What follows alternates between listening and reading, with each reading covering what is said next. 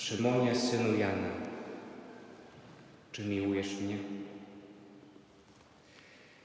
Święty Augustyn, komentując ten fragment, mówi: Pan zapytał Piotra o miłość trzykrotnie, tak jak trzykrotnie Piotr zaparł się, wyparł się znajomości z Jezusem. Rzeczywiście, może warto się odnieść do tego Piotra sprzed zmartwychwstania, bo kiedy słuchamy tego dialogu dzisiaj, to słyszymy zupełnie innego Piotra. Jeśli tak można powiedzieć, to jest nowy Piotr, inny Piotr. Piotr sprzed zmartwychwstania, może pamiętamy w gorącej wodzie kąpany, trochę taki pewniaczek. Kiedy, kiedy zapytał się Pan Jezus nieopodal Cezarei Filipowej, za kogo wy mnie uważacie, on się pierwszy wyrwał, za Mesjasza. Ale Pan mu od razu powiedział, świetnie, ale to nie Twoja mądrość. Ojciec Ci to niebieski objawił. A kiedy powiedział o tym, że Mesjasz będzie cierpiał, zaraz wziął go na stronę, Piotr Jezusa na stronę i powiedział, nigdy to nie przyjdzie na Ciebie. Wtedy Pan go zganił, powiedział, zejdź mi z oczu, szatanie. Tak mocno w Ewangelii nawet do Judasza Pan nie powiedział.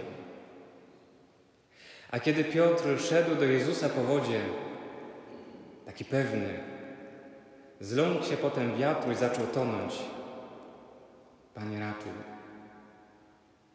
Tak się zapierał i zapewniał, że nie zaprze się, że chociażby mu przyszło umrzeć, to się nie wyprze, Właściwie Ewangelie pokazują nam Piotra, który popełnia gafę za gafą, wpadkę za wpadką. Gdyby był konkurs na pierwszego papieża i Piotr miałby tam złożyć swoje CV, to tam nie było się za bardzo czym pochwalić. Ale Piotr dzisiaj jest inny nie jest już tak pyszny, nie jest już tak pewny swoich sił. Piotr doświadczył upokorzenia. Chyba najbardziej właśnie wtedy, kiedy po raz trzeci zapiał kogut i ujrzał na siebie spojrzenie Pana. Zrozumiał. Tyle razy skupiał się tylko na tym, co zewnętrzne, jak wtedy, kiedy Pan obmywał mu nogi nie dostrzegał tego, co jest znaczeniem tego znaku. Gdybyśmy spróbowali napisać utwór muzyczny do tego fragmentu Ewangelii dzisiaj,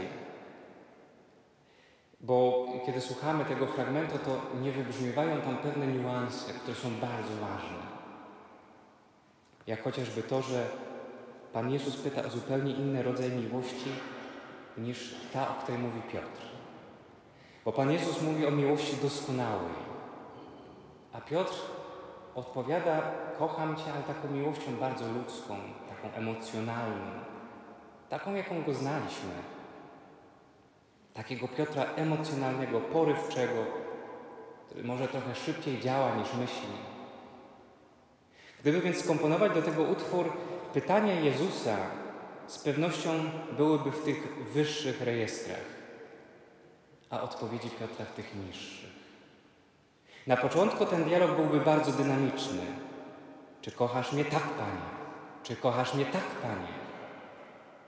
Ale przy trzecim pytaniu z pewnością utworze tempo by zwolniło. Piotr je zasmucił tym pytaniem. Ale też usłyszelibyśmy że Jezus już nie pyta w wyższych rejestrach. Jezus pyta na tym samym poziomie, niższym poziomie dźwięku, jak Piotr.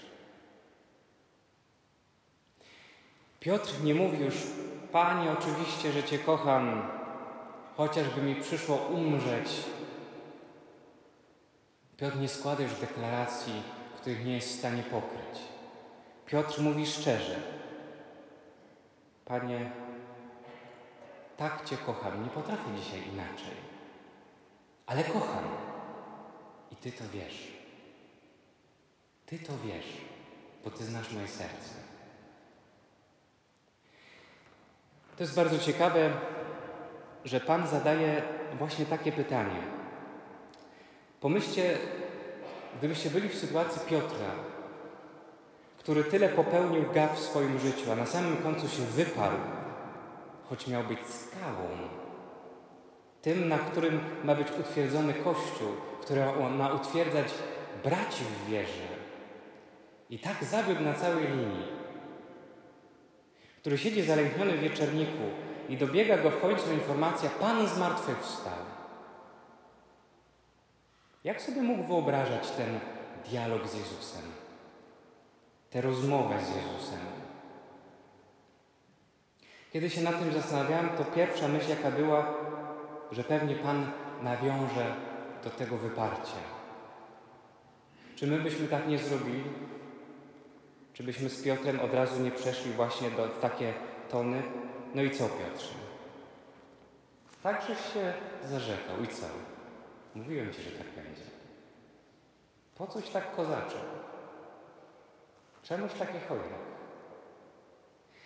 Ile razy wykorzystujemy taką sytuację, kiedy udowadniamy komuś, że się mylił i mamy z tego ogromną satysfakcję. W gruncie rzeczy upokarzając tego, z kim rozmawiamy. A Jezus właśnie tego nie robi. Nie upokarza. Piotr już doświadczył upokorzenia. Upokorzył go jego, upokorzyła go jego własna pycha. Jego własna pewność. A Pan działa zupełnie inaczej. Pan pyta to, co jest istotne. Piotrze, tamto należy już do przeszłości. A pytam teraz, czy kochasz mnie? Jak jest teraz? Mając to swoje doświadczenie tylu porażek, powiedz mi szczerze, kochasz mnie? Warto dzisiaj usłyszeć to pytanie. Może nawet kiedy zastanawiamy się, jak to będzie, kiedy staniemy przed Panem na sądzie ostatecznym. Co mu wtedy powiemy? O co nas wtedy zapyta? Święty Jan od krzyża mówi, że sąd będzie sądem z miłości. Czyż nie właśnie dlatego Jezus nie pytał o nic innego jak o miłość? Czy nawet gdy w wieczorniku wiedział, że umrze, nie mówił im trwajcie w mojej miłości, daję wam przykazanie miłości, czy nie dał właśnie tego przykładu? Dlatego pytał miłość. W życiu chrześcijanina priorytetem jest miłość. Pomyślcie, gdyby, gdyby czekał na Was teraz w domu Pan Jezus, przy stole, w jadalni, albo na kanapie, w salonie. I zadał Wam to pytanie dzisiaj, po imieniu, Wojciechu. Nataliu, Janie, Bartku. Kochasz mnie? Co byśmy mu wtedy odpowiedzieli? Myślę, że warto sobie postawić to pytanie i zobaczyć, że tylko szczera odpowiedź i tylko prawda o sobie dają potem szansę, żeby doświadczyć obecności i łaski Pana.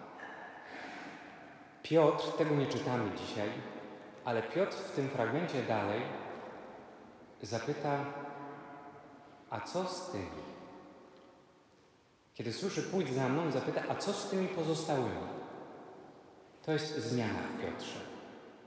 Wcześniej Piotr był zawsze wyrywny, pierwszy. Nie patrzył na innych. A teraz Piotr jest przemieniony. Piotr mówi, Wiem, że w oparciu o własne siły niewiele zdziałam. Przekonałem się to już kilka, kilkanaście albo kilkadziesiąt razy w swoim życiu.